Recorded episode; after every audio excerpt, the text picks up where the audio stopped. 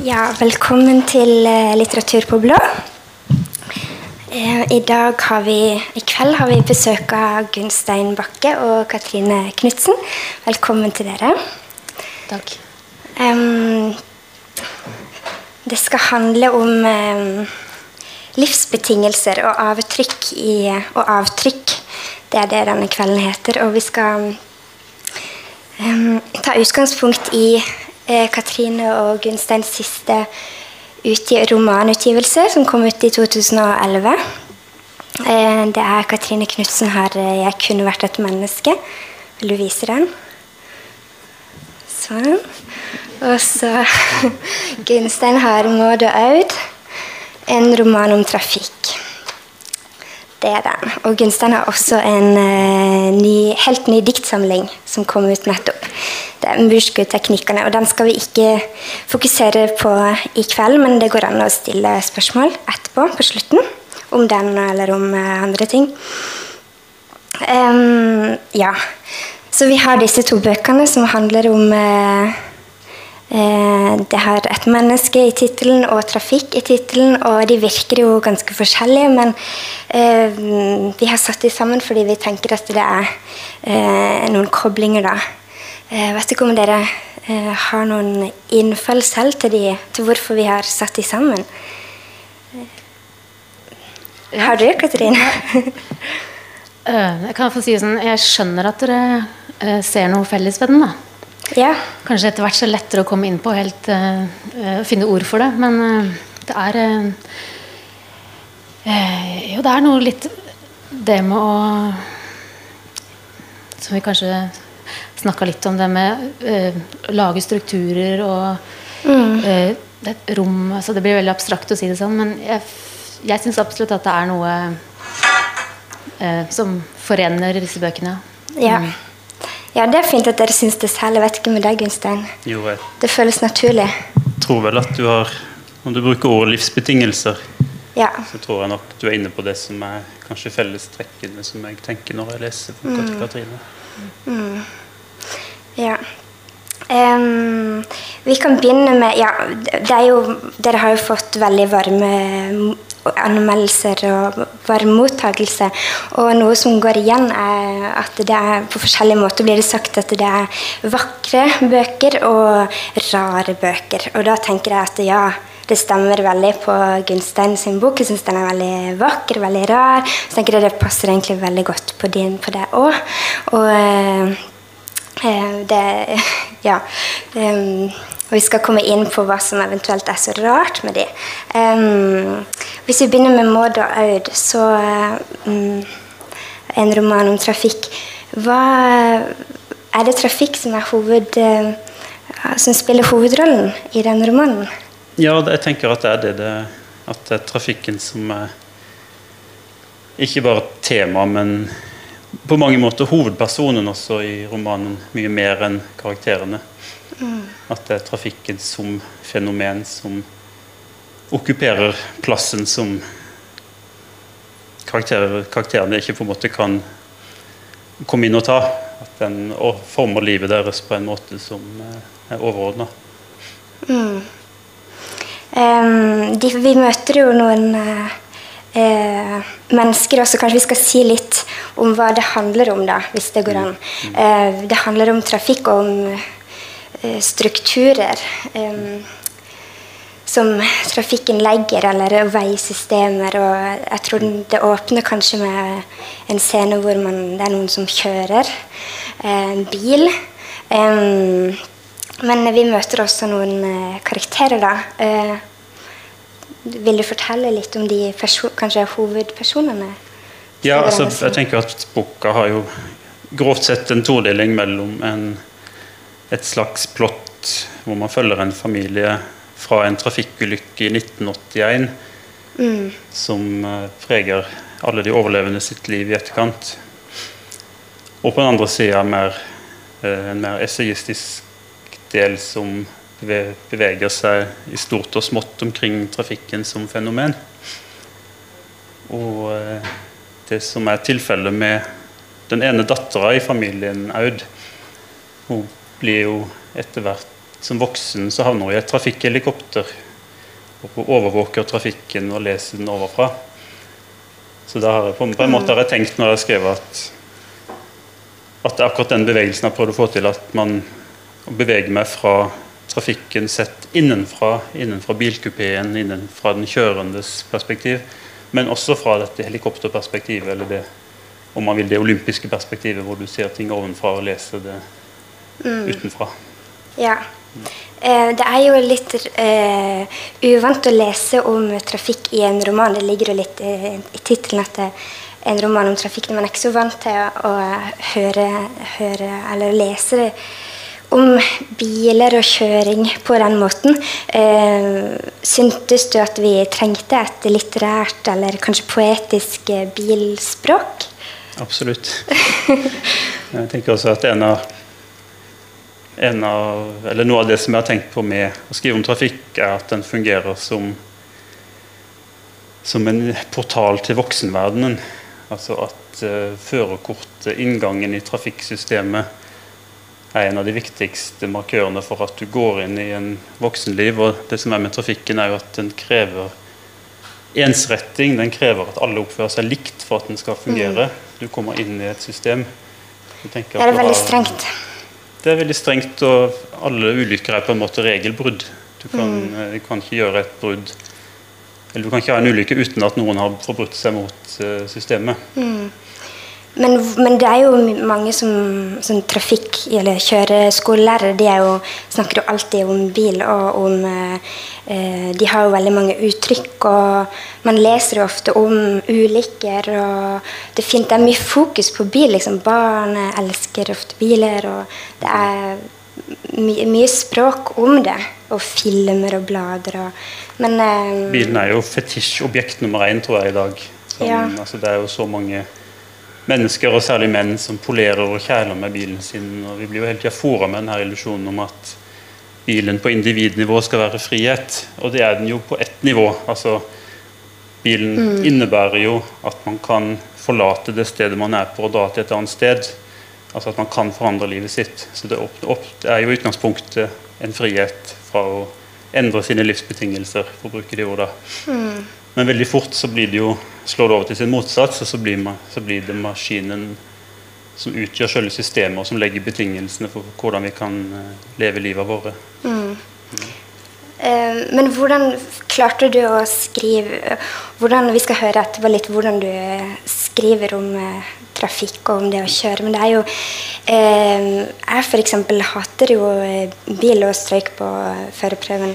Men eh, jeg liker veldig godt å lese Jeg har jo likevel Jeg liker å lese den boka fordi at det eh, det en helt annen Den fokuserer på veldig mange forskjellige ting. Og veien er liksom Den kan være både Den er veldig fin noen steder. Og er, det er f.eks. en scene hvor ei, jente, ei lita jente som går ut og, og, på en ny asfaltert vei, hvor det er eh, helt sånn nylagt og varmt og mykt, og hun prøver å lage en sånn engel på veien. Og det går ikke, men det kommer sånn blomsteravtrykk eh, på etter kjolen. Og um, det er en annen scene hvor det er Aud som går hjem og etter å ha vært hos Lo Lovald. Mm. Og opplever veien som noe veldig sånn sensuelt, nesten. At hun mm. kjenner det, veien gjennom skosålene. og Um, hvordan liksom, så du på veien og på trafikken på den måten før du begynte å skrive, eller fant du dette språket og dette blikket um, mens du skrev? Ja, I utgangspunktet så har jeg lagt merke til i tidligere ting jeg har skrevet, at selv om det skulle handle om noe helt annet, så plutselig så kunne det snike seg inn en betraktning om menneskets forhold til bilen, eller om hvordan man krysser en gate og kanskje ikke ser på sjåføren i bilen som kommer kjørende, man ser på selve bilen på frontlyktene som om de er mennesker, nesten. Ja. eller ikke sant, ja.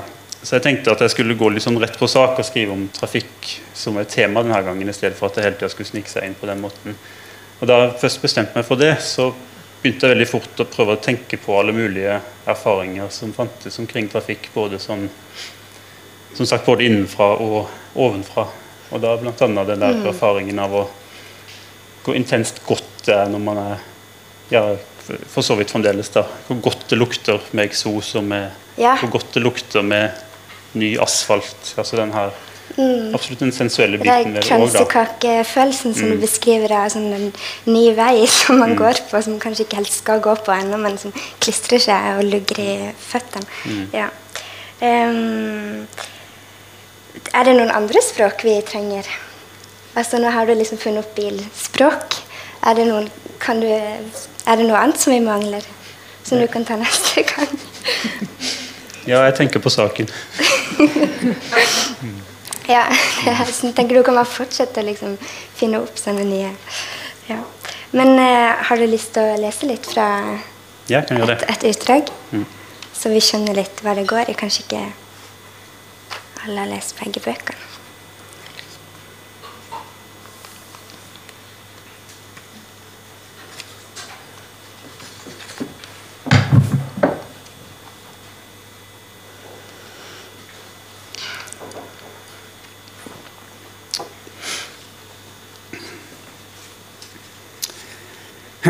Det er en, et slags gjennomgangstema eller tilbakevendende motiv. En form for nestenulykker eller ulykkesimitasjoner, som jeg har tenkt på det som.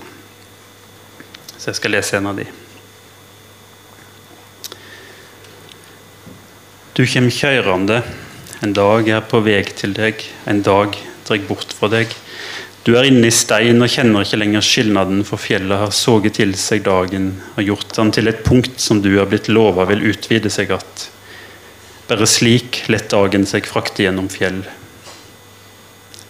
Og punktet til dagen, det er du. Du konsentrerer deg, for tunneler er slett ikke det likeste du kjører.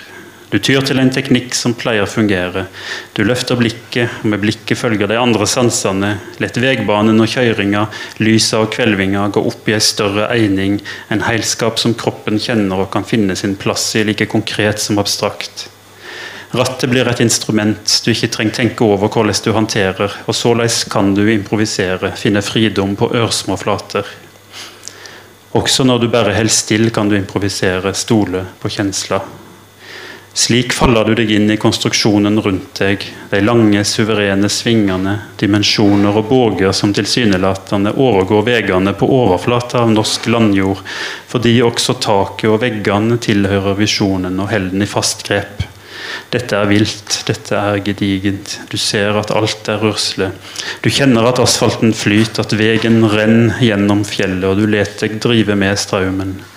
På denne måten får du del i mirakelet. På denne måten inngår du i forståinga. Og på denne måten trenger du ikke skilje ut enskilde føremål eller rørsler, for alle justeringer skjer av seg sjøl.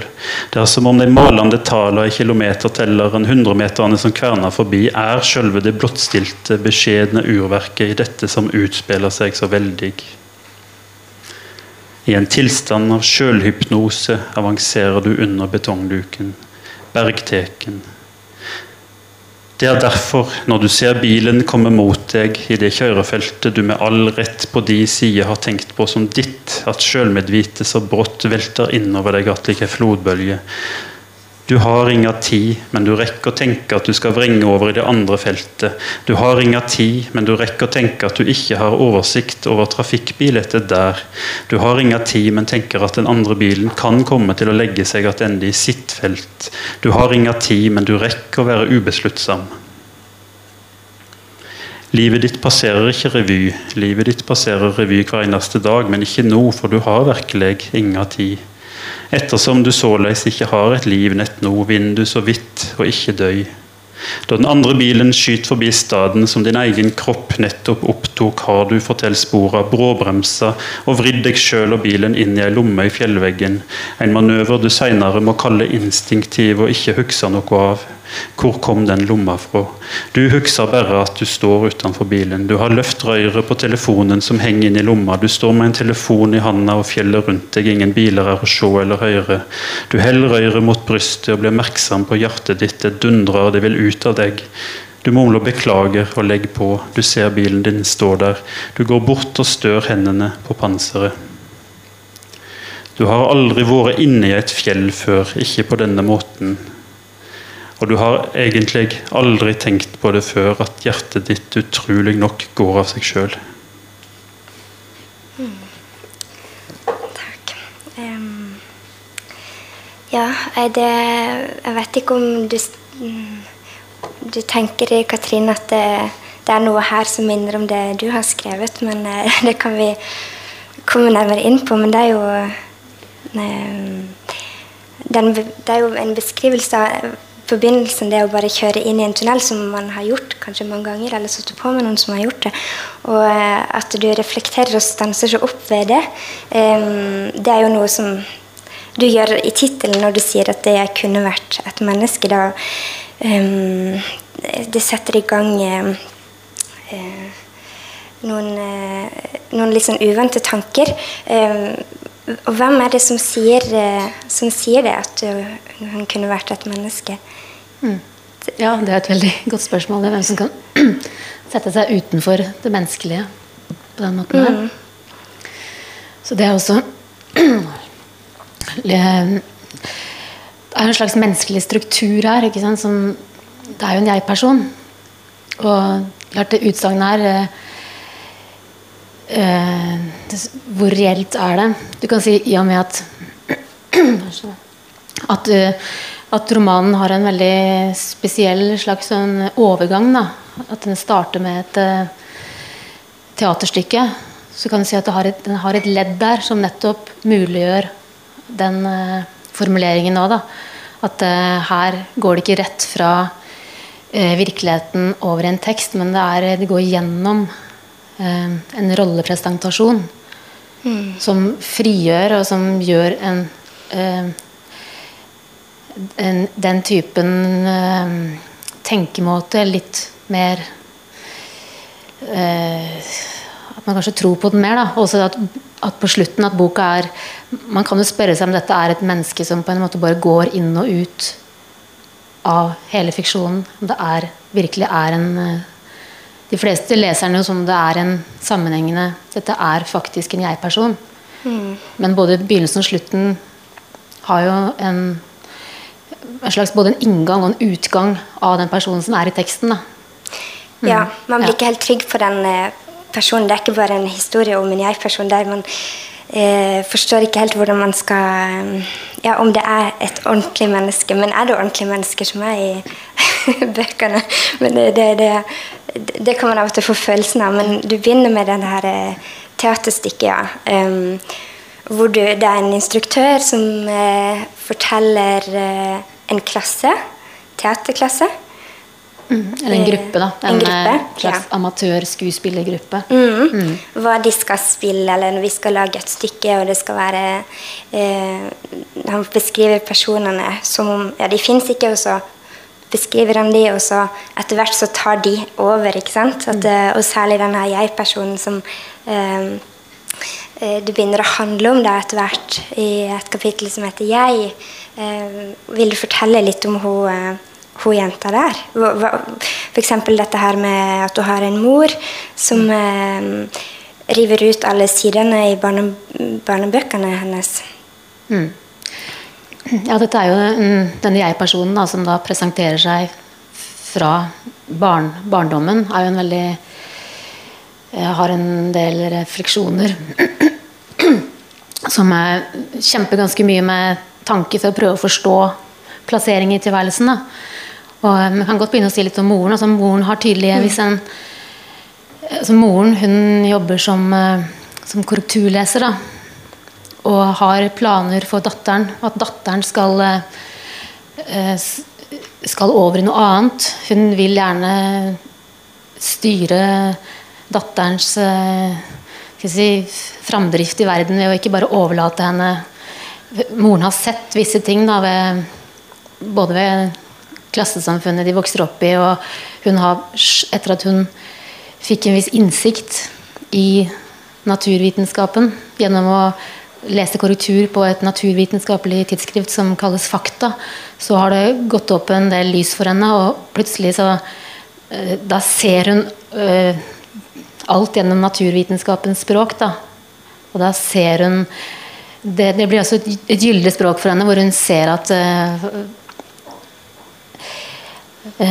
også at verden er ikke naturgitt. Den er også satt sammen av noen. Det er heller ikke noe som er en naturlig presentasjon av verden på den måten man omtaler det på folkemunne. Så hun ser plutselig at de bøkene som er ment for barna, da, de barne, barnefiksjonene, egentlig er eh, produsert av noen som vil holde folk der de er. Da. Så hun tenker at for at datteren hennes skal kunne komme på nivå med de som vokser opp i hjem hvor det er bøker rundt dem fra de blir født, og så vil hun sjøl Hun erstatter visse sider i barnebøkene med Rein rein, fakta. og kunnskap Ja. som skal prøve å implan liksom, implantere i datteren sin. Da. Ja, og hun kaller det hun skal, mm, mm. ja. Ja, hun kaller det kunnskap, dette, men det andre er jo på en måte kunnskap. Men hun, akkurat som hun har sånn veldig fikst bilde av kunnskap, at hun har vært utenfor det, og så har hun fått et glimt å, her er kunnskapen. Så vil hun ta det hele den inn, og så vil hun i hvert fall at dattera skal få den inn. Um, Ja, hun vil at datteren skal få et helt uh, konkret språk som kan altså, sikre henne en plass eh, eh, som en sånn totalspråk, da, på en måte, som kan sikre henne en, en litt bedre plass i verden. Yeah. Men moren har følt seg veldig liksom, imellom språk og verden ved å lese korrektur. Hun er bare liksom, innom andres tekster og har i det hele tatt en situasjon hvor hun føler seg ganske ufri. Så ved å få datteren inn i en, det som hun ser for seg, den naturvitenskapelige verden, hvor språket da, som hun sier, er eh, Innholdet er eh, liv, men egentlig så er det kontrollens språk. da. Så hun vil gjerne at datteren skal beherske det. og da river hun jo ut sider, så da er det jo noe som går bort eh, også. Eh, det kommer jo veldig mye annet inn, men hva er det som hun ikke får, da? Tenker du hun ja. jenta? Og Du kan si Et sted så, så spør hun seg da, er det skal, mennesket være, altså skal man være menneske eller kunnskap. da? mm, det, man må liksom velge en av de. Mm, Også den, mm. Når hun er på denne her, dette ungdoms... eh, Den er veldig fin, den eh, ungdomshuset, eller det, som de er på, hvor hun er litt eldre. Eh, Vi følger hun jenta, ikke sant? Eh, Det, er- det er- blir hovedpersonen da, som vi følger gjennom hele eh, romanen. og Eh, Da er de jo, når hun er blitt litt større, så skal de være på et sånt ungdomshus etter skolen. Eller kanskje ikke det er ungdommer ennå? Kanskje sånn, sånn eller? Ja, det er vel ment en sånn, en slags sånn fritidsklubb da, som oh, ja. er på skolen, men Ja. nede i kjelleren. Eh, sånn, de fleste har kanskje vært innom det. En sånn Ja, sikkert. klubber, sånn, ungdomsklubber da, som var veldig populært på 80-tallet i hvert fall. Mm. Hvor liksom alt skulle det var veldig viktig å, å samle ungdommene i sånne klubber for at de skulle få utfolde seg og utvikle et eller annet sånn spesielt ungdommelig element da, som ingen helt skjønte hva var egentlig. Sånn. Ja, og i hvert fall ikke hun jenta som syns det er veldig uvant at lærerne er der, og så skal de ikke undervise, men de skal være sånn kompis og drikke cola og liksom prate eh, Kanskje bare være De egentlig skal ikke si noe, de bare henger og egentlig overvåker, og så skal de barna da sosialisere og gjøre ting, og det blir så veldig lite konkret for henne. Mm. Plutselig mister lærerne skal da De som er lærere, som er trygge autoriteter på dagtid, da, plutselig når de kommer ned i denne ungdomsklubben, så skal de være sånn likestilte og likeverdige og ikke være autoriteter. og de skal være Alt blir helt sånn, sånn flytende og utrygt. da, For de skal holde seg inne med Plutselig blir det om å gjøre å, være kompis eller holde, holde seg inne med de rette ungdommene. Mm. Mm, men det er kanskje ikke Eller når du snakker om det nå, så Hun høres jo ikke helt rar ut, hun jenta som syns dette. Eller hun, hun har jo fått veldig mye fokus på én ting, men hun er jo Det er jo sikkert noe som eh, kanskje flere av de elevene kunne føle, det. men hun har veldig, kanskje litt ekstra mye imot det. Um, eller finner seg ikke til rette, for hun liker veldig godt å være i kunnskapens lys og um, være på skolen, og seinere når hun studerer, så blir det litt voldsomt for henne.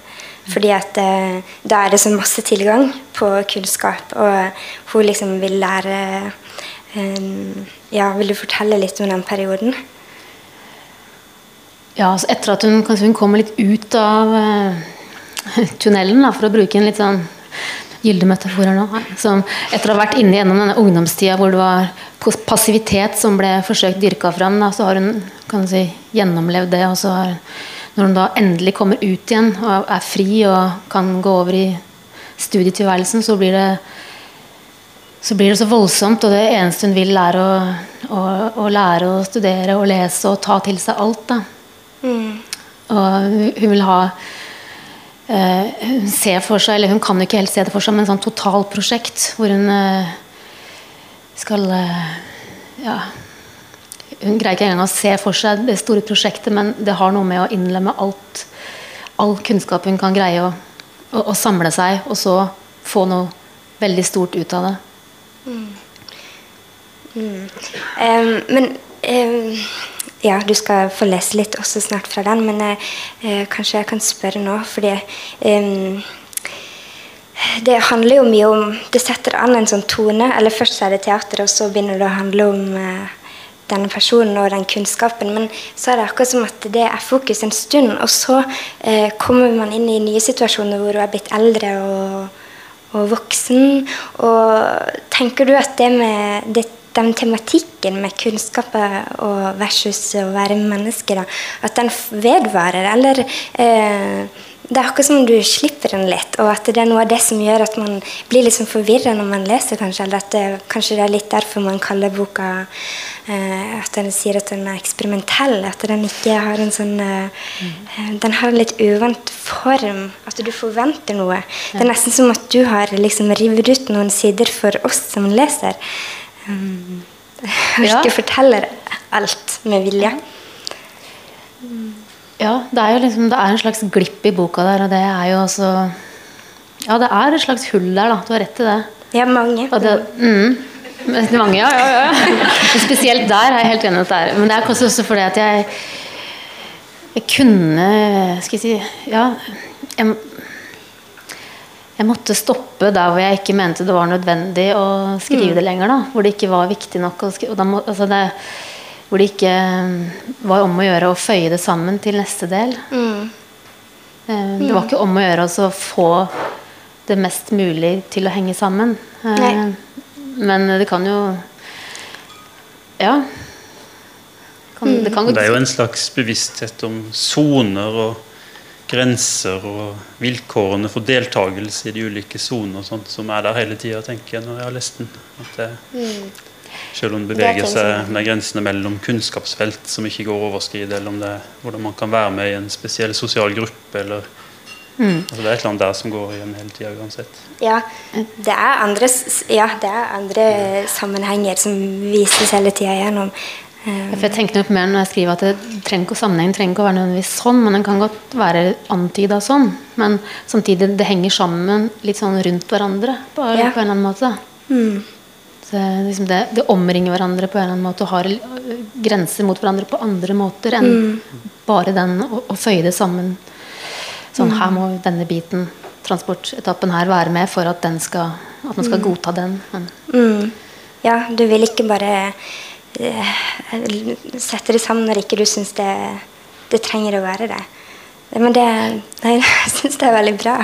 Eller jeg mener ikke at det, liksom, eh, det må være en grunn til det, men det er en det er, Jeg tenker at det er noen som sier at det, jeg har eh, noen, det er noen anmeldere som sier at det er liksom en kranglefant av bok. Og tenker at det kanskje kan være de, det at man ikke helt får det man forventer. Men det er jo også tittelen og um, det, kan, det, virker nesten som at det er poenget ditt da, på en eller annen måte. Så um, det passer inn. Ja, altså det, er ikke, det, er, det, er, ikke, et poeng å være eksperimentell, men det er et poeng det å ikke skrive ting man ikke har lyst til å skrive bare for å oppfylle en forventa form. En, sånn at mm. kunne, jeg kunne sikkert tvunget meg til å skrive et eller annet for at det skulle bli mer enn liksom, Men da er ikke det så veldig spennende. Og, og, da blir det ikke bra hvis jeg skal tvinge meg til å skrive det bare for å fylle ut formen. Sånn. Mm. Har du lyst til å lese litt? Ja. Skal vi se. Da. Ja, kan... Jeg, jeg, kan godt stå og lese. Det liker jeg best. Skal vi se.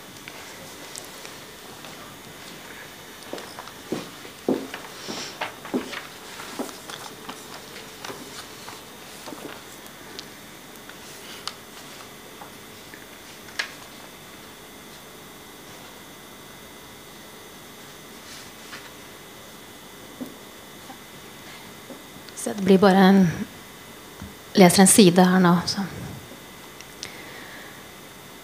Hun sitter der ute. Hva skal vi med alt som samler seg opp i oss? Alt som søker å trenge seg inn i oss og tror seg bevart der. Men så blir det bare oppbevart, for brått å bli tømt. Bare i unntakstilfeller greier vi å overføre noe til verden. Å overføre en forandring. Og bare en forsvinnende liten del av det opplagrede blir brukt. Disse ansamlingene som er inni hver eneste av oss, som vi, hvis vi skal prøve å overføre det til noen, må ta ut og tilpasse og tilpasse og bygge om til det ytre språket for å prøve å si noe. Mens vi bare leter etter en måte å ta en avstøpning og bare kunne trykke det direkte ut på verden. Men det var ikke språket hun ville at jeg skulle lære meg. Det var for å redde meg fra språket. Også fra å bli en, slave av språkets tekniske sider. Kanskje fordi hun, mer enn noen, må ha følt seg fanget mellom språket og verden. Hun ville at jeg skulle lære å forholde meg til verden gjennom tingene. For å få mest mulig fullstendige, lukkede, språklige systemer å si noe gjennom. Og på den måten skulle jeg ikke slippe ut i det ufullstendige språket. Hun må ha drømt om et lukket kretsløp for meg, som jeg bare måtte komme på innsiden av først. Forsere muren som voktet denne ideelle tilstanden. Hun brukte alle krefter på å få meg over muren. Om nødvendig var hun rede til å kaste meg over muren og stå igjen på utsida alene. Et sted der jeg kunne være i all framtid, uten omsorgslekkasjer og mindreverdighetsfølelse. Bare et lukket og fullstendig kretsløp som forholdt seg til det vesentlige. Som kunne gjøre alt til noe vesentlig, fordi det var dette språkets natur. Innholdet i det var liv og biologi, men formen var kontrollens. Da skulle alt være dekket. Da skulle jeg beskyttes mot noe jeg ikke hadde helt klart for meg ennå. Ja, tusen takk. Um, ja, um, det med det eksperimentelle, hva, hva syns du om at boka di blir kalt Det er jo ja, Din bok ble jo også kalt det, da. Eller rar, som man sier. Er det liksom, blir, det, blir dere sånn irriterte, eller syns dere det er helt greit? Jeg hørte akkurat et sitat, noen som sa You can't have an experimental baby. Det, jeg vet ikke, det er liksom et sånt ord som Som ikke sier noen ting, da. Altså et ord som jeg får høre veldig mye om denne boka, er jo det der begrepet om underliggjøring. Eller, ja. Og det tenker Jeg jo liksom at jeg vil, heller, jeg vil heller snu det på hodet og si at det handler om gjenvinning av, av virkeligheten, eller av de fenomenene som utgjør livet. Altså prøve å se hva som faktisk holder på å skje, hva som faktisk utspiller seg i dag. Ja. Altså, vi er så innsausa i den økonomien, det forbruksmønsteret, den livsstilen som vi har i dag. At det er at vi på en måte, Det var i hvert fall utgangspunktet mitt for å skrive om trafikk. var blant annet den tanken altså, ja, men Hva er dette her for noe? Hva er det som skjer? liksom? Hvorfor, Mm. Hvordan vil man om 100 år, om 200 år, hvordan vil man se på det faktum at vi har pumpa opp sånne enorme energimengder som det har tatt millioner av år å lage, for å bruke de i veldig stor grad på å få metallgjenstander på ca. ett tonn til å bevege seg veldig fort horisontalt, ofte med ett menneske inni.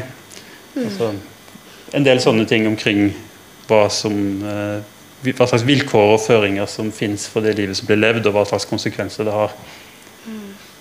Så det er underlig å ikke gjøre det, egentlig. Det er, det er ting som vi burde. Det er underlig, men det er kanskje man blir bevisst på det når man leser om det på den måten, og da kaller man det ja, sier uh, og sånt, det er underliggjøring. Eller. Og også det motsatte, kanskje, at man uh, i begge romaner da, at det skjer det kanskje litt rare ting, eller uh, ting som ikke er vanlig at skjer. Da tenker jeg f.eks. på disse to som går i en sånn undergang. og inn i en tunnel, og så kommer de inn i noens stue. Eller hus. Du mener er i eh, regjeringskvartalet? ja. ja. Det er liksom Ja, man kommer inn ja, det er jo veldig, Men det er skildra på helt sånn samme måte som Som det, det er vanlig, da. Eller det man Sånn at du Det, det sidestilles på en måte. Det syns jeg skjer i din bok også. Sånn at du um, Bildet blir totalt annerledes. Det er liksom en litt annen verden man føler man har for seg da. Um. Ja.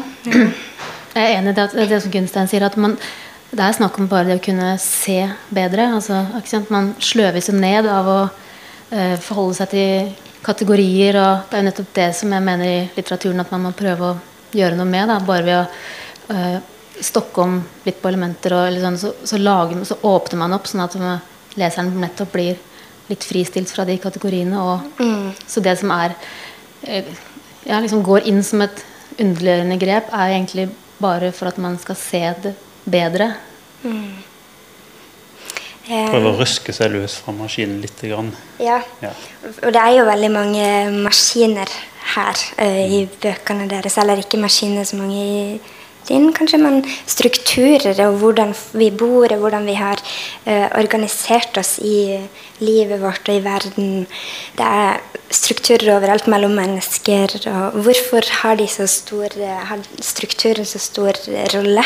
Hvorfor uh, er dere, så, er dere fascinert av det, eller frustrert over det, eller Hvordan kom det dette fokuset inn? Jeg kom til å tenke på en scene fra din bok nå, der hvor du beskriver ganglaget ved det nye boligfeltet nede ved elva.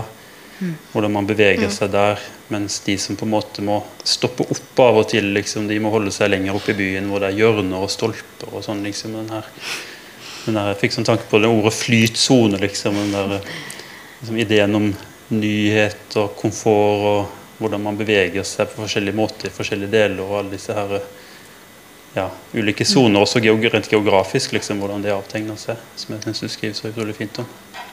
Ja, det, altså det, med, mm, det er den tilsynelatende friheten. Altså, det er hele tida man tror man utvikler en ny frihet, men det er jo også å underlegge seg nye strukturer. Og mye av det fra det rommet du beskriver, da, det er litt langt seinere ut i boka.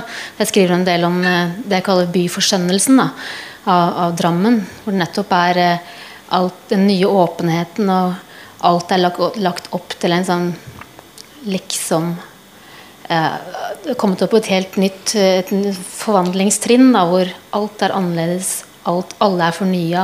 Eh, og som du sier, den åpne, nye åpne rommet som eh, nettopp da tvinger eh, Det har man jo sett, ser man også i mange byer. Som det tvinger folk som tidligere har holdt til deg, ut i andre strøk. Da. Så i det tilfellet så er det da nye, det nyoppdagede området nede ved elva som blir gjort veldig fint og flott. Og, eh, men da for de vellykkede, mens da de som da trenger å stoppe opp litt og støtte seg og Det er ikke plass til dem lenger, for de er jo ikke effektive, de er ikke dynamiske, de er ikke med den flyten som nå forventes i det nye rommet. Så da må de trekke opp i bygatene hvor de kan stå og holde seg litt fast i stolper og søppelkasser og sånn. Mm og gatehjørner. Så. så det er sånne premisser og liksom Det er ikke så strengt som i trafikken at du blir liksom plaffa ned hvis du er i feil kjørefelt, men det, det, er jo det er en struktur det er snakk om som er streng allikevel, og sosialt streng. Mm. Og han Hen Henrik, han, uh, som, uh, han mannen som da er kanskje en av de som trenger å støtte seg litt av og til. Han, eh, men han fungerer jo òg eh, ved hjelp av dette systemet, fordi han møter folk som bare er inne i en sånn flow og liksom hei og hilser på han, og så skjønner han gjennom hvordan de hilser. Tror han at han kjenner de, men det er ikke alltid han gjør det. Kanskje de lurer han, men han, han på en eller annen måte så er det akkurat som han har et apparat rundt seg, selv om ikke det er en maskin, det er mennesker, men de oppfører seg nesten som en sånn eh, Si, han overlever jo um, stort sett fordi han er innenfor den omsorgsfestningen da, som vi kaller, som kan ja. være, en sånn støtte for han. vet veit at eh, der inne regner han med at alle han treffer der inne, er på en måte klarerte og trygge. og Da regner han med at eh, enhver person som opptrer der inne, i hvert fall, er mm. sikker. da. Og det samme, han har liksom, sine korte, kontrollerte turer ut og eh, prater med folk som kanskje Kanskje han kjenner, kanskje han ikke kjenner, men av og til jeg-personen later jo, eller spiller forskjellige roller for han for å tilfredsstille da, hans eh, mm. behov for å kjenne noen. Da. Så mm. eh, barna hans eh, Hun spiller barna hans, blant annet. Og Mm. Ja. Ja, det er hun jeg-personen som vi snakka om i stad. er- Mm. Men altså dette med strukturer bare lyst til å si én ting til Anne. Hvis Ja. du vil si den først er inne på det, for det er også noe av det som jeg prøver å vise gjennom boka. litt sånn forandringen av eh, Det er jo, det er jo en tidsakse her. Um, at den nye tiden si, som da opptrer som da byforskjønnelsen og sånn Et veldig vesentlig punkt for meg i, i boka da, er den beskrivelsen av den sansehagen. da som nettopp er liksom skal være fristilt. Det er, det er eh, en, en sansehage som er uh, skapt da, i, i dette nye byrommet, hvor uh, det er en slags autoritær frihetstvang. da, hvor, hvor her, altså Folk som kommer inn der, de skal sans, det er blomster og det er mange forskjellige ting som er det er sånn farger, lyd, blomster, og her skal alt være fritt! Utropstegn. Og eh, her kan dere tolke ting som dere vil. ikke sant? Her kan dere Det er jo på en måte noe av den, den nye frihetstvangen. da. Det, det er litt sånn som man uh, man får uh, Sånn som dattera mi går på skolen og får ofte sånne lapper hjem. da, hvor Man blir da kan vi si, utkommandert til sosiale kvelder hvor det står 'Vi gleder oss!' utropstegn med fet skrift hver gang. ikke sant? Ja. Det er litt noe av Ja, Ja. det blir litt sånn maskin, det òg. Denne parken som Ja. Um, og du har jo en helt sånn konkret uh, Eller vil du fortelle litt om Janus? Ja, hvis jeg bare kan si noe jeg tenkte på i stad når Katrine snakka om det der. Bare gå litt tilbake til trafikkens rolle, liksom. Så tenker jeg sånn altså Trafikken som oppdrager funksjonen for forbrukersamfunnet. da, den her ensrettinga at du kan ikke bryte ut, du kan ikke vise avvikende atferd. Så når jeg har brukt denne 18-åringen som en ganske sentral karakter, så er det bl.a. fordi at jeg tenker at han kommer du fra en alder hvor du fremdeles har barndommen intakt, og med den har du en, på en måte en slags evne til å gå inn i mytologier, skape mytologier, og så samtidig så blir du lokka av denne maskinen. Da. Du blir lokka av, du vil ha lappen, du vil være med ut i strømmen, liksom. og Du har liksom trafikken som systemet, og samtidig med den så har du nærradioen, og så har du pornografien. De tre er sånn parallelle størrelser, tenker jeg. liksom Den samme kverna man skal males inn i som voksen. Og så har jeg også tenkt på det med Bare si det siden jeg tenkte på det nå, at, at det, her med, det er et eller annet med bilbruken som er nesten symbolsk på en måte jeg ikke helt klarer å skjønne i forhold til altså det er ganske, det er ganske, Man må huske hvor ny den er, liksom. og hvor, altså Den har ikke gått inn i underbevisstheten helt ennå. Du ser jo noen spor av den i populærkulturen, naturligvis. Men den er ikke helt der ennå, egentlig, for den er for fersk, tror jeg. Sånn at for 18-åringen så blir på en måte disse nestenulykkene eller disse imitasjonene av ulykkene en inngang til noe han lurer på om er en ny mytologi, eller som man prøver å finne ut av. Og Rent konkret så tenker jeg også på det med symbolsk altså Jeg har sett ute på bygda liksom jeg har sett rørleggeren min gå ut av døra si, sette seg i bilen, kjøre 30 meter til postkassen, ta ut posten, kjøre tilbake og gå inn. Også folk som kjører til Det er jo helt vanlig på bygda. Ja, det er det. Men det er et eller annet ikke helt altså, Hva er det egentlig? Det er så demonstrativt, liksom. Det er som at man vil si at vi har vunnet over slitet, liksom. Vi har klart å komme oss forbi den der utrolig utrolige karrigheten som har vært, og så, og så- har den fått det her utslaget da, som er så underlig. Ja, Ja, hvert, ja. Nei, etterpå jeg å si noe om Ja. som er i Ja, si nærheten av dette her. Da, sin bok. For det, det som egentlig slår meg som, uh, som skaper den virkelig store suget i boka, det er den her uh, enorme liksom, diskrepansen mellom eh, den frihetsfølelsen og trygghetsfølelsen man har i bilen, da, og det faktiske eh, eh, potensielle dødsobjektet man sitter inne i. ikke sant? Det, hele, det er en sånn, akkurat som mennesket ikke greier å forstå det. da, At det, bilen er det hverdagslige, det, det trygge, det eh, Samtidig som man, man vil ikke uansett ta inn over seg dens dødelighet. Altså det, det er ikke så lenge siden jeg leste et intervju med en, en mor et eller annet sted Eidsvoll eller hvor det nå var, som hadde vært utsatt for en, eh, en krasj hvor hun så vidt overlevde. Da. Og som tidligere så, så plutselig så skjønte hun uh, bilen. da, eller altså hun, hun sa ikke akkurat det, men hun sa bilen som tidligere Bilen var tidligere frirommet mitt. Mm. altså det det var det eneste pusterommet jeg hadde, det var når jeg satte meg inn i bilen. Hun var vel sikkert flerbarnsmor, og som hennes eneste frihet var, der, var de etappene i bilen. Da. Når hun kom inn i bilen, da hadde hun på musikk, lydbok, gjorde hva som helst. Da var hun levde, da. Men plutselig så skjønte hun at det var helt motsatt. Det var, eh, plutselig skjønte hun at det, dette var livsfarlig. Ja. Ja. Mm. Ja, han, han, unge gutten, ja, han tar jo litt inn eh, Er det Loval? Hvordan skal man si det? Loval, tenker Loval, jeg. Ja. Eh, at han, eh, ja, han blander det litt med mytologi. Eller liksom sånn, for han er jo opptatt av ulykker. Og mm. han har akkurat sikkert hørt alle, om, veldig mye om det fra kjørelæreren sin. Og han lurer på mange ting, hva som skjer når man er i en ulykke. Og han er fascinert av Aud. Uh, som har vært i en ulykke. Og, uh, men er det ikke et sted hvor han liksom blander det inn med noe Han, han forestiller seg noen sånn tunnelnymfer? Er det, det, det, ja, han har jo vært opptatt av disse nymfene av mytologien, liksom. Og, så blander ja, han det inn i Kobler det opp mot ja. ulykken og trafikkerfaringen. Ja. Mm. Mm. Det er bare Han er liksom tidlig ute. Men det, ja, det kan hende at det blir en mytologi etter hvert. Um, mm. Ja tenkte også på meg, apropos det du sa, at en av grunnene eller noe av det som trigger meg litt til å skrive om trafikk, er at jeg blir så, så, jeg blir så sur av måten de skriver om trafikkulykker i avisene på.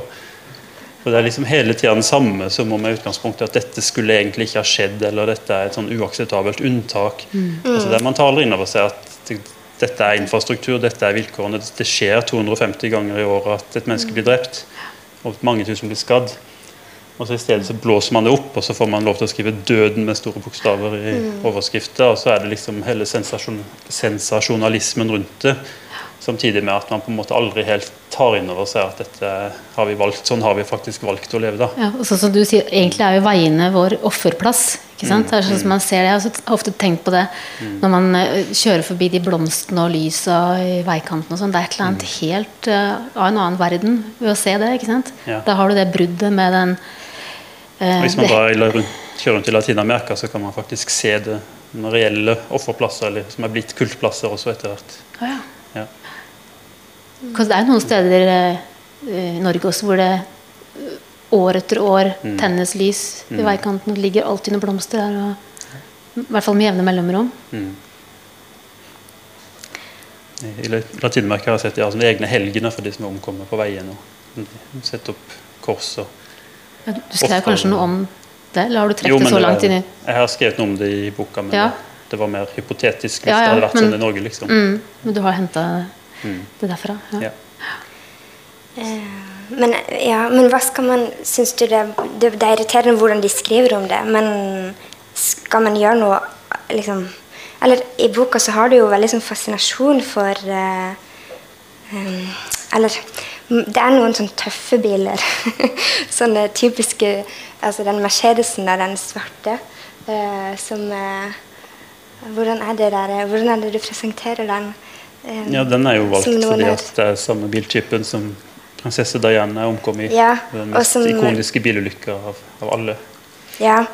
Som søstrene sitter og ser på i sjukesenga etter at de har vært i sin ulykke på bryllupet mm. til Diana mm. og Charles. Ja, og så kommer den inn og ser ut som en, noe en trafikken har Husker du det sitatet? Når asfalten har svetta fram, kanskje du tenker på? Ja. ja. Mm. Så har svetta fram mm. en febernatt, er det det? Noe sånt. Ja. ja. Men um, man merker jo noen, masse holdninger her og, eh, til Ja, um, dette er kanskje litt sånn Jeg vet ikke om det er et bra spørsmål, men er dere opptatt av um, miljø? jeg tenker det er økosystemer, og det er liksom brensel. og det, Har dere noen sånne holdninger som dere ønsker skal komme gjennom? Det er sikkert ikke lyst til å si det i så fall, men Jo, altså Jeg, ble, jeg ble veldig overraska da det var en venn av meg da, som er miljøaktivist og filosof. men han skriver mye om ny forståelse av naturfilosofi og sånn. Og han, han er en veldig permakultur-tilhenger, da. Og han syns at jeg skrev om permakultur på en ironisk måte, da. Jeg ble veldig overraska, ja. for det var ikke Det gjorde jeg, har jeg virkelig ikke I gjort. denne boka? Ja. Han mente at jeg omtalte det litt sånn det, var det eneste han mislikte ved boka. Han var litt fornærma på meg fordi jeg hadde omtalt det litt sånn utvendig og ironisk. Og latterliggjøre litt. da men det er absolutt ikke Det har ikke jeg tenkt da jeg skrev det, men jeg mente mer å vise at uh, dette var noe som ble umulig etter hvert. Da. Eller, ja, det altså, får ingen plass.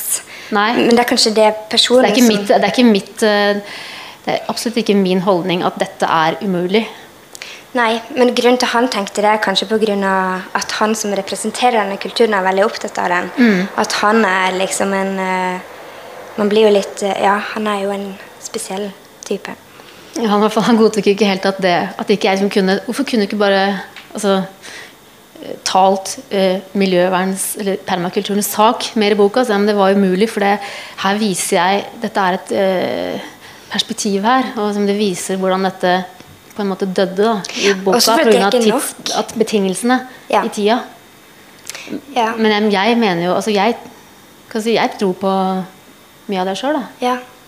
Um. Men de, de, har jo, de er jo veldig fine, det lille laget fra denne som er opptatt av naturen og miljøet. Og, men de er jo så få.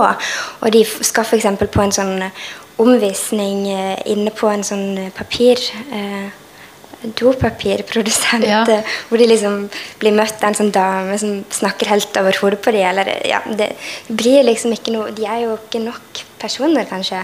Og så Nei, det er ikke alle som egner seg som miljøaktivister, selv om de gjerne vil. Ja. så eh, det er kanskje at hun ble litt overkjørt der òg. En, ja. Eneste hun endte opp med, var en sånn gigantpakning doruller. Ja. Og en sånn, en sånn uh, glatt uh, forsikring og foredrag fra direktøren. Ja. Ja.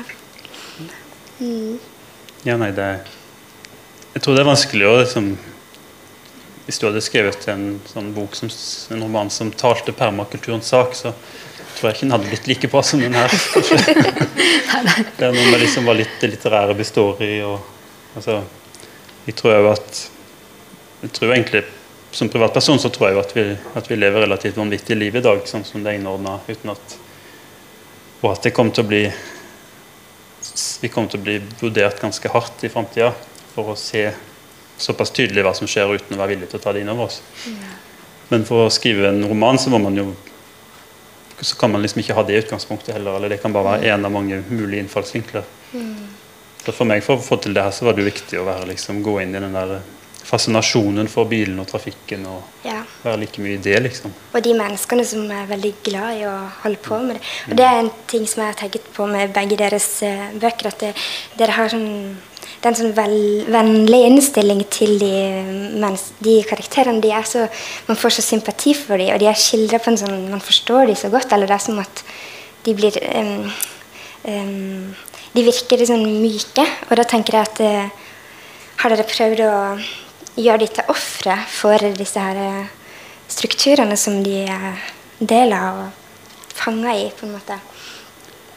Til dels så har jeg vel det, men jeg tenker jo sjøl at det er nesten på sånn parodisk nivå, eller litt sånn nesten, nesten slapstick. Man tar en veiingeniør og lar han bli lemlesta og havne ned i et fjell, liksom, og, og, bare i selskap med sin egen protese, nærmest. At det, ja. det er hyggelig at du syns jeg er snill med han, men jeg vet ikke. Jeg kan ikke akkurat med han. jeg tror jeg tenker mer uh, med Lovell og Aud og mm. Mm. Ja. Mm. Jeg tenkte spesielt Du tenkte kanskje på de uh, ungdommene? Eller tenkte jeg tenkte egentlig mm. på jeg-personen. Ja. De ungdommene mm, vet jeg ikke, men jeg tenker at hun er veldig, hun er veldig åpen da, mot uh, mennesker som hun møter. Og hvis hun føler seg utilpass, så Ja, det gjør hun jo sånn som i den, på den uh, skolefritidsordninga, men det er ikke noe det Hun er veldig lite fordømmende mot alle som hun møter. Det er ikke som hun forstår det. Mm. Det må jeg tenke litt på. Ja. Eller, altså, ja. Jeg har ikke tenkt på det sånn. Eller jeg har aldri Nei. tenkt på det, da, for jeg, kanskje ikke jeg ser det så godt. Uh, uh, men det er fint at du sier det. Ja. At, uh, Tenker ikke du at hun er veldig Jeg tenker at hun ser betingelsene deres, Ja. da, eller hva slags rammer de er Ja. Mm. En sånn liten scene som er festa seg hos meg, var liksom når du beskriver disse ungdommene som driver og legger seg ned på forskjellige plasser for underlegge seg plassen, eller som en slags form for aktivisme en annen forstand, tenker jeg. Men så skriver du liksom at uansett hvor mye de legger seg ned, så lukter det ikke skitt av tøyet deres, for det er så mye kjemikalier og tøymyken og ditt og datt i det uansett. Det blir ganske sånn slående for hvordan de klarer ikke å trenge ut av de rammene de er underlagt. da. Mens for hovedpersonen er det jo mer sånn at at hun hele tida beveger seg tenker jeg, i, ramme, i utkanten av disse rammene. altså Hun kommer akkurat så vidt innenfor, men ikke lenger. Og så glir hun videre til et annet sett rammer. Sånn, at hun er jo liksom den som får romanen til å skje, på en måte. da. sånn sett kan si den som er dømt til å se hele tida, og bare gå videre. Klart, er, som du sier kanskje, at det er den eh, at I det å se så er det jo en forståelse. Og ved å beskrive så forstår man. altså Nettopp ved å se det på en litt, litt utenfra åpner opp på en ny måte. Så det er klart altså disse ja, disse, disse ungdommene som jo er eh, mm, Jeg vet ikke om jeg skal si noe om det? Eller? Ja, de er jo veldig interessante, syns jeg. Ja. Ja. De, altså det de gjør. Og det er jo en sånn et sted hvor jeg tenker at du ikke hauser det opp, og hun funderer ikke over hvor Altså, hun bare Ok, de gjør dette som at det var en ikke så uvanlige ting. Eh, men hun, hun godtar det veldig. Men de, de gjør veldig spesielle ting. Mm.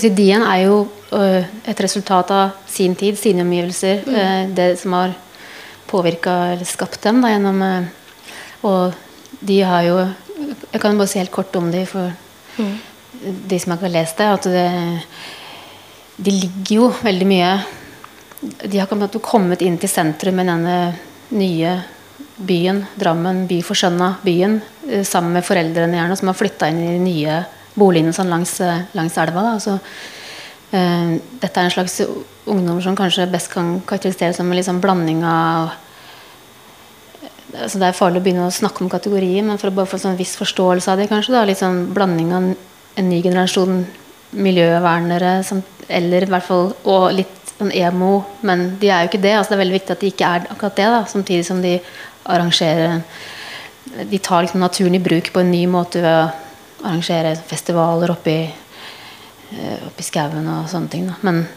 det som er mest karakteristisk for dem, er jo kanskje den veldige sårbarheten og følsomheten deres. Og at de hele tida ligger De som legger seg rundt i, på forskjellige steder i byen. De har sånne steder de legger seg ned, og de, et, et sted sier de også at eh, som, La oss være seler og bare kaste oss ut i vannet, gli ut i vannet. Så på en måte er de sånn konstant uh, uh, Det kan veldig fort utløses uh, liksom, suicidalitet og selvskading hos de, samtidig som de er sånn tvers igjennom velmenende, kjærlige vesener da, som aldri har opplevd annet enn veldig mye kjærlighet. Men det fører dem kan også gjøre at de har blitt en slags monstre ved sin voldsomme kjærlighet, og de aldri greier å egentlig avvise noen og aldri greier å eh, De må ting, liksom bare ting gli unna fordi de aldri greier å helt å, å være usympatiske og slemme. Da. Så tar de kanskje ut på andre måter ved de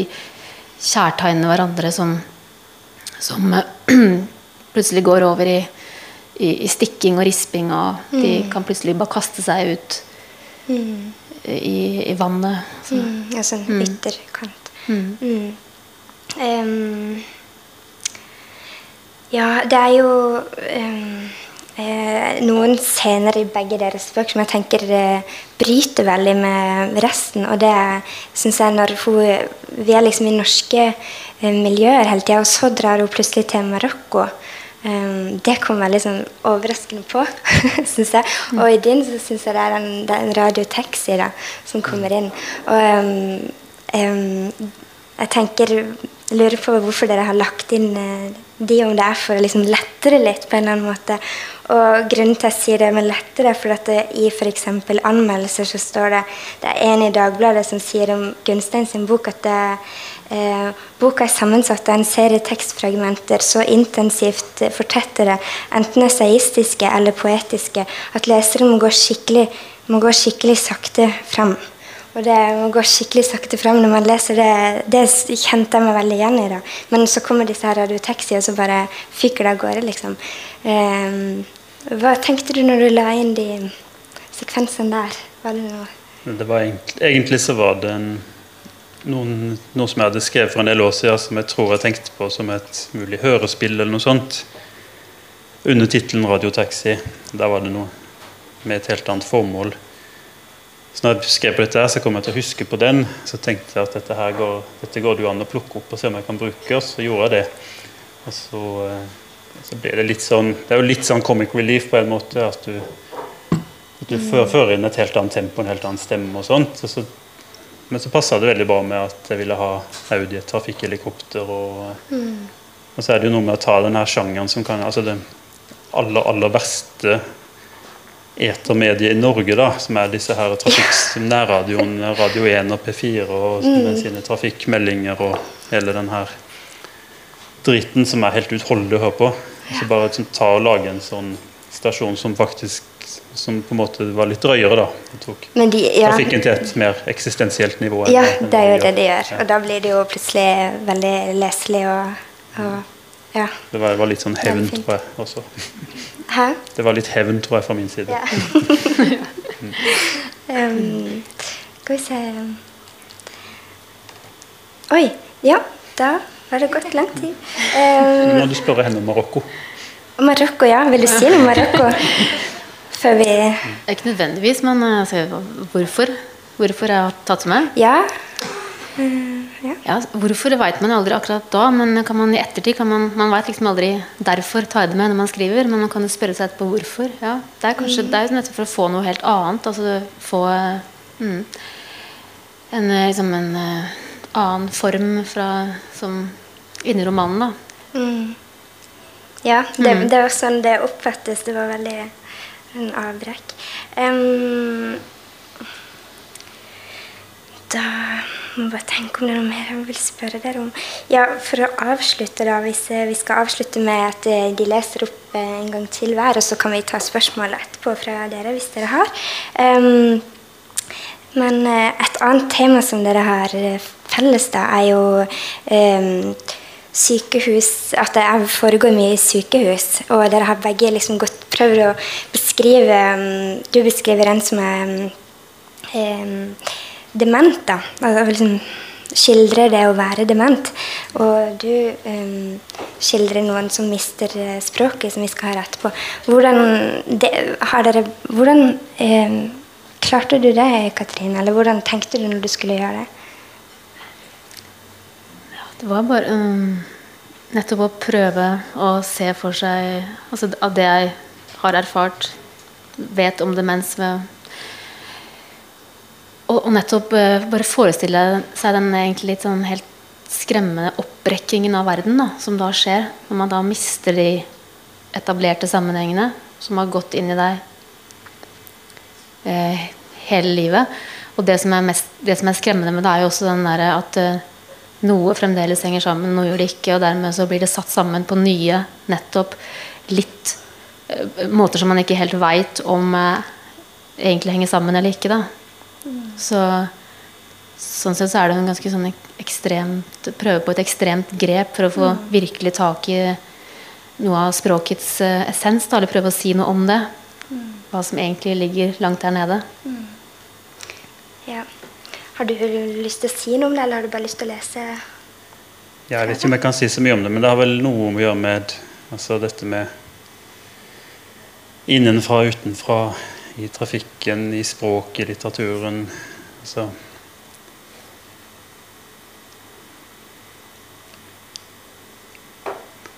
det er naturligvis I første omgang så er det jo et slags sjokk som er så stort at, at språket kan forsvinne for Aud sin del.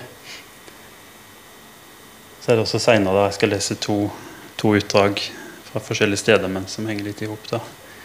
Hvordan man prøver å skaffe seg et nytt språk. Hvordan man Mm. Ja. ja. Da kan jo du eh, lese fra det. Mm.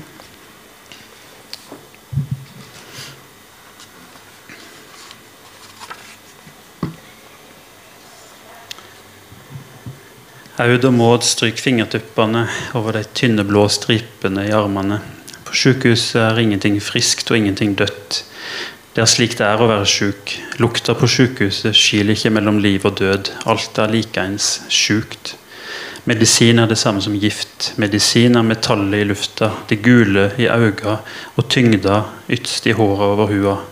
Hele sykehuset er bedøva, en dvaletilstand der å våkne ville være ren smerte. Lydene er annerledes her enn noen annen sted de har vært. Rundt seg hører de magnetklikk og gispa lufttrykk når skåpdører går opp og att. Laken som med dumpe blaff bretter seg ut i lufta for sidene blir spente om madrasser. Dette er laken som kropp for kropp falmer og blir slitt helt til en kan se gjennom dem som gassbind. De hører andre slags klikk i strupene til gamle folk, i eikene deres i korridoren. Redde vokaler klatrer i nettene som kommer fra et juv. Om dagene finst slarken og riksinga i krykker, kneppene og plastlommer blir åpna eller metallfolie spretta på pillebrett. Men mer enn noe annet hører Aud og må den stilla som lydene støyter mot overalt. I laken, utlempinger og klikker og knepper i veggene som av og til sukker, og hansker som gjør motstand når hendene drar dem på seg. I skosåle gnikk mot epoks i gulv og arterieklemmeklirr mot trillebord. I alt dette gir stilla seg til kjenne. For lydene kommer ikke inn i den massive stilla. Lydene blir trengt tilbake. De må være for seg sjøl og får ikke slippe inn. Stille er noe som både holder pusten og aldri trenger å puste. Stille er farlig på en måte som er ny. Farlig som det tomme rommet under senga, og ikke som den svake kloringa i den. Nå skal de sikkert ikke sove i de gamle sengene mer når Aud er reparert og de skal bo hos Hjalmar og Kari, men et tomt rom er vanskelig å kvitte seg med. Jentene våkner og merker ikke sin egen pust. Da tror de at de er inne i stilla, men de er bare til nye lag av lyd stiger fram. De lukker øynene for å se om de er stillere i mørket. Da hører de pulsen som et tog i det fjerne. De ser hverandre i ansiktet. Der er det stillere hos, Maud, hos Maud enn hos Aud. Det er bedre å være inne i stilla enn å være utenpå den. Aud bestemmer seg for å være så stille hun kan, og lytte til alt som banker på. At Aud ikke lenger vil snakke, vil svare, skaper uro. Dersom hun har mist språket, må de hjelpe henne å finne det at Sjukesøstrene kommer og vil at hun skal si etter dem, si navnene på dyra de har med på en plansje, og leppene rører seg som et eget dyr, en orm i ansiktet deres når de former det hun skal si. Svane sporv, hare og rev, bever, bjørn. Dette er verda, svarer du verda? Aud ser leppeormen som rører på seg, den har verken hoved eller hale, bare kropp, en ringforma kropp, og lydene som kjem gjennom ringen, flyter rundt i rommet.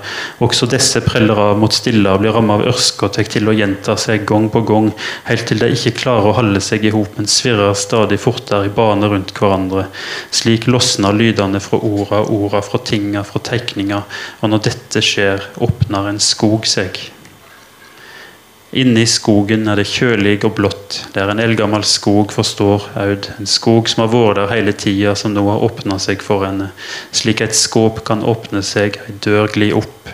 Skogen heter Wales, slik ordet ser ut i avisa på TV-skjermen W-A-L-E-S. Det er egentlig ingen farger i Wales, men likevel blått og litt oransje.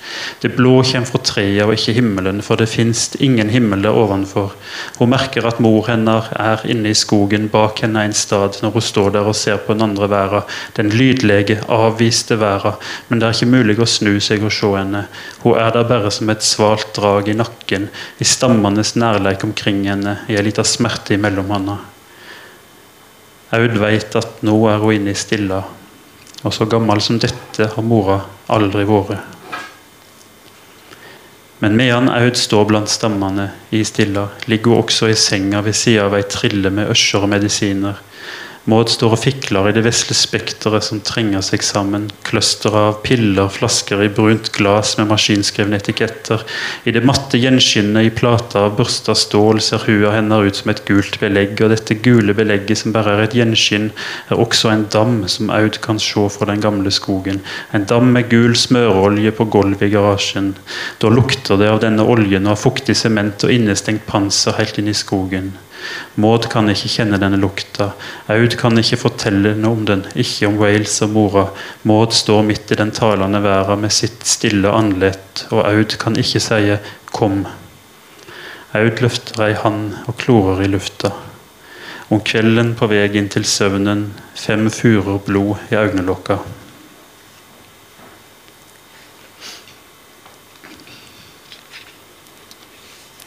Og så en, et lite avsnitt fra mye senere i boka.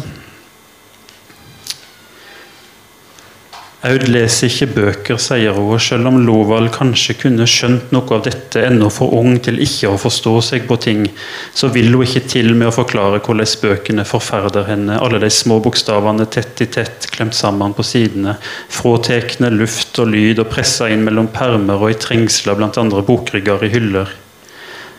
Om hun plukker fram ei av dem og åpner og vil lese, kan fremdeles bare to og to sider fra luft. Massen av det uåpna og innestengte vil ligge i en byll bak den vesle flenga som fingrene åpner for blikket. Aud Berre kan tåle aviser som har store, hørlige venger og bilder. Hun har klart å komme seg gjennom lærebøker, men hun har også fått hjerteklapp inne på en bokhandel. Lektyren sin har hun funnet en annen stad i trafikken, hvor bil og bok smelter sammen i en rørlig organisme som hun kan hente inn på avstand.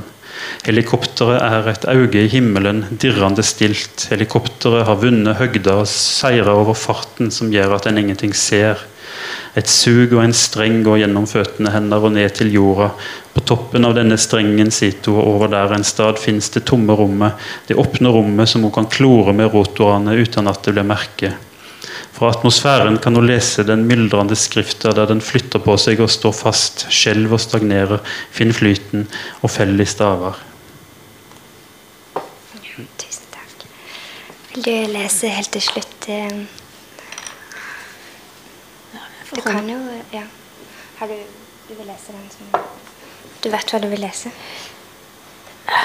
Ja, kunne. Selvfølgelig er det fristende å lese noe som passer bedre til det du leste nå. Nei, ta akkurat Det er, ja, Um, det er liksom vanskelig å bestemme seg. Sånn, Du kan jo ta den der når hun har vært på den festivalen med de rare ungdommene, og så um, går hun skal, noe, skal ha en kopp kaffe. Ok, du har lyst til det? Ja, men Da kan jeg godt gjøre det. Nei, det, det- den er spennende. Da skal, da skal jeg gi meg kast på noe som jeg aldri har lest før, og heller ikke har liksom lest gjennom på forhånd sånn. Men da skal jeg prøve det, da. Skal vi se. Må bare finne den. Det er vel et sted her. Jeg kan si imens at uh, neste gang på Blå så blir det ikke Eller neste tirsdag er det ikke litteratur på Blå, for det er 1. mai. Men gangen etter der blir det um, uh, Morten Øen som kommer hit. Det er 8. mai, og da skal det handle om kunst og undergang. Ok, jeg får gå bort til lesestedet mitt. Ja. Ja.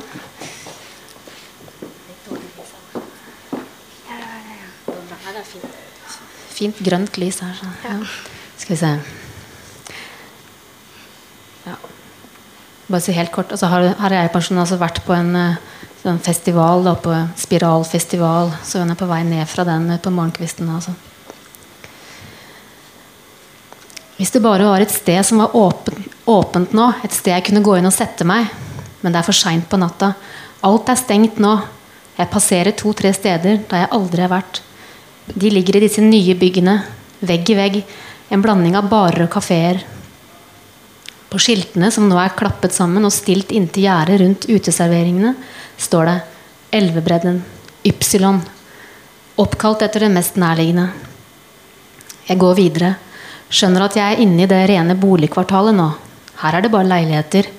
Nei, der på hjørnet er det en kafé. Der ligger det en hyggelig kafé hvor det ikke er mørkt. Det lyser lunt bak de rødaktige, lange gardinene. De tynne, nesten gjennomskinnelige gardinene. Det er en liten uteservering. En platting utenfor, med bare ett bord. Døra står på gløtt, og jeg går inn. Hallo? sier jeg halvhøyt, da jeg ser at det ikke er noen andre gjester der inne. Og jeg ser heller ikke noen ansatte. Kanskje de er i ferd med å stenge og holde på å rydde opp inne på kjøkkenet. Det er vel ikke mer enn én person på jobb i et slikt lite lokale på denne tiden av døgnet. Jeg går inn. Det må da være mulig å få ta en rask kaffekopp, eller tekopp i hvert fall. Jeg setter meg ned ved det første bordet jeg ser. før jeg flytter over til sofagruppa, som ser myk og fristende ut. Kroppen min synker ned i de bløte putene, og jeg lener meg bakover. Kikker litt i dagens avis som ligger på bordet. Det må da komme noen snart. Nå hører jeg musikken. Den står lavt på. Men jeg hører den tydeligere og tydeligere. Volumet øker. Noen skrur den opp. Nå hører jeg også hva som blir spilt. Jeg kjenner det igjen. Det er en låt, den typen melodi som for alltid blir sittende klistret i deg, og bare så vidt trenger å settes i gang før du kjenner den igjen. Det er Iron Butterfly. Inagada da vida. Inagada da vida, baby. Inagada da vida. Runo spilte den. Leon spilte den, og han sang med. Hvis han hadde drukket. Med øynene lukket mens han levde seg inn i sin egen framførelse av denne meningsløse teksten. Inna gadda Davida. Så forklarte han meg opprinnelig var teksten In the Garden of Eden. Men så fant bandet ut at de like gjerne kunne synge Inagada Davida. Det var lettere å framføre med rusen i årene. Det gled lettere, fungerte like bra. Bedre for musikkens skyld. Etter hvert søkte man ikke å finne en forklaring på teksten. Den var seg selv, var ikke forbundet med noen opprinnelig mening. Musikken går og går. Teksten slynger seg rundt og rundt. Det opprinnelig meningsløse. Inagada Davida. Jeg ser bare for meg Leon, og av en eller annen grunn ørken. Kanskje har jeg sett en film, en musikkvideo med denne låta. Kanskje blander jeg det med noe annet. Fordi så mye av musikken på den tida ble koblet med endeløse ørkenlandskap.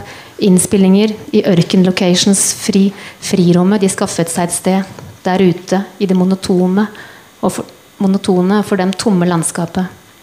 Pink Floyd, The Doors. Borte fra industriområdene og urbaniteten kunne LSD-rusen utfolde seg tryggere. Der kunne hallusinasjonene oppstå i et slags tabula rasa. Selv om det endte med at marerittene hentet næring fra de gitte omgivelsene og spant rundt slanger, firfisler, fata morgana. 18 minutter lang. Dette er den opprinnelige versjonen. Den er ikke kuttet, Stemmen kommer fra et sted oppunder taket, og jeg ser opp. Først nå ser jeg trappa. Trappa som går opp rett ved siden av døra jeg kom inn. Den fører opp til en slags hems, og der, på toppen, på avsatsen, står det nå en mann. Er, er det fremdeles åpent, spør jeg. Er det mulig å få en kopp kaffe? Om det er mulig å få en kopp kaffe? Han ler. Selvfølgelig, jeg skal sette på. Han demper musikken med fjernkontrollen han har i hånda. Begynner å gå ned trappa. Stenger du nå? Alt annet her i nærheten er stengt, så jeg var glad for å finne et sted som fremdeles var åpent, men jeg skal være rask. Helena, det kom noen. Har vi mer kaffe? En dør går opp fra et rom med sterkt lys. Det må være kjøkkenet. Nei, det er toalettet, ser jeg. Det ser nesten mer ut som et bad. Jeg syns jeg skimter et badekar der inne, før døra raskt blir lukket. Og nå kommer denne Helena ut. Hun smiler til meg, åpner et skap bak disken, tar ut en pose kaffebønner, ser det ut til, og tar av lokket på kaffemaskinen, heller oppi, og maskinen setter i gang. Mannen kommer og setter seg i lenestolen rett overfor meg. Der oppe på trappeavsatsen virket han ung. Han gikk ned trinnene med spenst i kroppen. Jeg ser også på nært hold at han er slank og veltrent, ungdommelig kledd, men mye eldre enn han først framsto som. Liker du eh, Iron Butterfly? Jeg nikker. Har du noen ønsker? Kanskje jeg skal spille noe fra vår egen tid? Jeg og Helena var på en forrykende konsert her i nabolaget forleden dag. Har du hørt om Lovecraft? Vent litt, så skal jeg sette på noe. Han går bak disken. Jeg ser det skiftende lyset fra en skjerm. Vage farger som driver over ansiktet hans. Det er en liten merkelig stemning her inne. Hun som heter Helena, kommer med kaffen min. Setter seg på armlenet på sofaen. Hun har et halvlangt rødt tyllskjørt og en svart skinntopp på seg. Svarte, ankelhøye snørestøvletter. Hun er ganske sterkt sminket.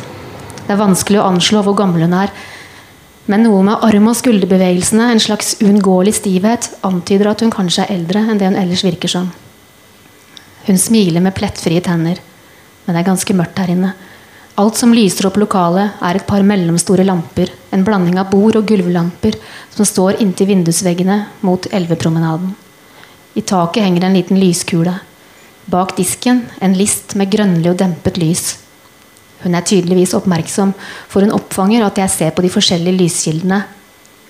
Mathias, sier hun henvendt til ham, slå på lys i monteren også, er du snill. To like montere står i hvert sitt hjørne. Nå kommer det også på et underlys i hver gjennomsiktige hylle, slik at kunstgjenstandene som er plassert der, kommer til sin rett. Du må bare se deg om, sier Helena. Og jeg ser at de sender hverandre blikk. Det er en slags eh, innforståtte blikk de ser på hverandre med. Jeg forstår at noe gleder dem. Det virker som mitt nærvær gleder dem. De virker ikke i det hele tatt trøtte og klare for å få meg ut så fort som mulig, slik at de kan stenge. Smakte kaffen? spør Helena. Ja, absolutt. Veldig god, sier jeg. Likte du musikken jeg spilte for deg? Mathias står fremdeles bak disken. Musikken som fortsatt går, utmerker seg ikke, men jeg nikker. Han virker kanskje litt skuffet. Hadde håpet at jeg skulle rose musikkvalget hans mer. Når jeg går ut, kommer jeg på at jeg ikke har betalt noe, og ingen kommer løpende etter meg heller. Jeg skal til å gå inn igjen, tar i døra, men den er stengt nå. Lyset er slukket der inne. Jeg hører bare noen lyder. Er det stemmen til Helena? Og så stemmen hans. Det er nesten lyst ute. Jeg ser nå at det ikke står noe skilt utenfor, men slik er det jo mange steder. De stedene som tar mål av seg til å bli eksklusive, har ikke noe synlig navn. Navnet skal bare spre seg gjennom gjestene. Men jo mer jeg ser på stedet, jo mindre syns jeg det ligner på en kafé. Det skiller seg egentlig ikke ut fra leiligheten i nabolaget, bortsett fra vinduene, som rekker helt ned til gulvnivået, som er helt vanlig for leiligheter høyere oppe i etasjene, men ikke slik nede på bakkenivå. Uteserveringen kan like gjerne være en privat uteplass. Det ser mer ut som en privat uteplass, ser nå. Ja, kjempefint. Eh, jeg, tror det er så, jeg tror Hvis dere har spørsmål, så kan dere kanskje komme til å huke tak i dere etterpå. Går det an? Eller har noen et veldig kort spørsmål? Jeg tror vi skal ta pause. Brukt opp all tida nå. Er det noen som har et bitte lite spørsmål, så går det an. Men det går også an å Nei, Da bare sier vi tusen takk, Gunstein, og tusen takk, Katrine, for at dere kom. Takk.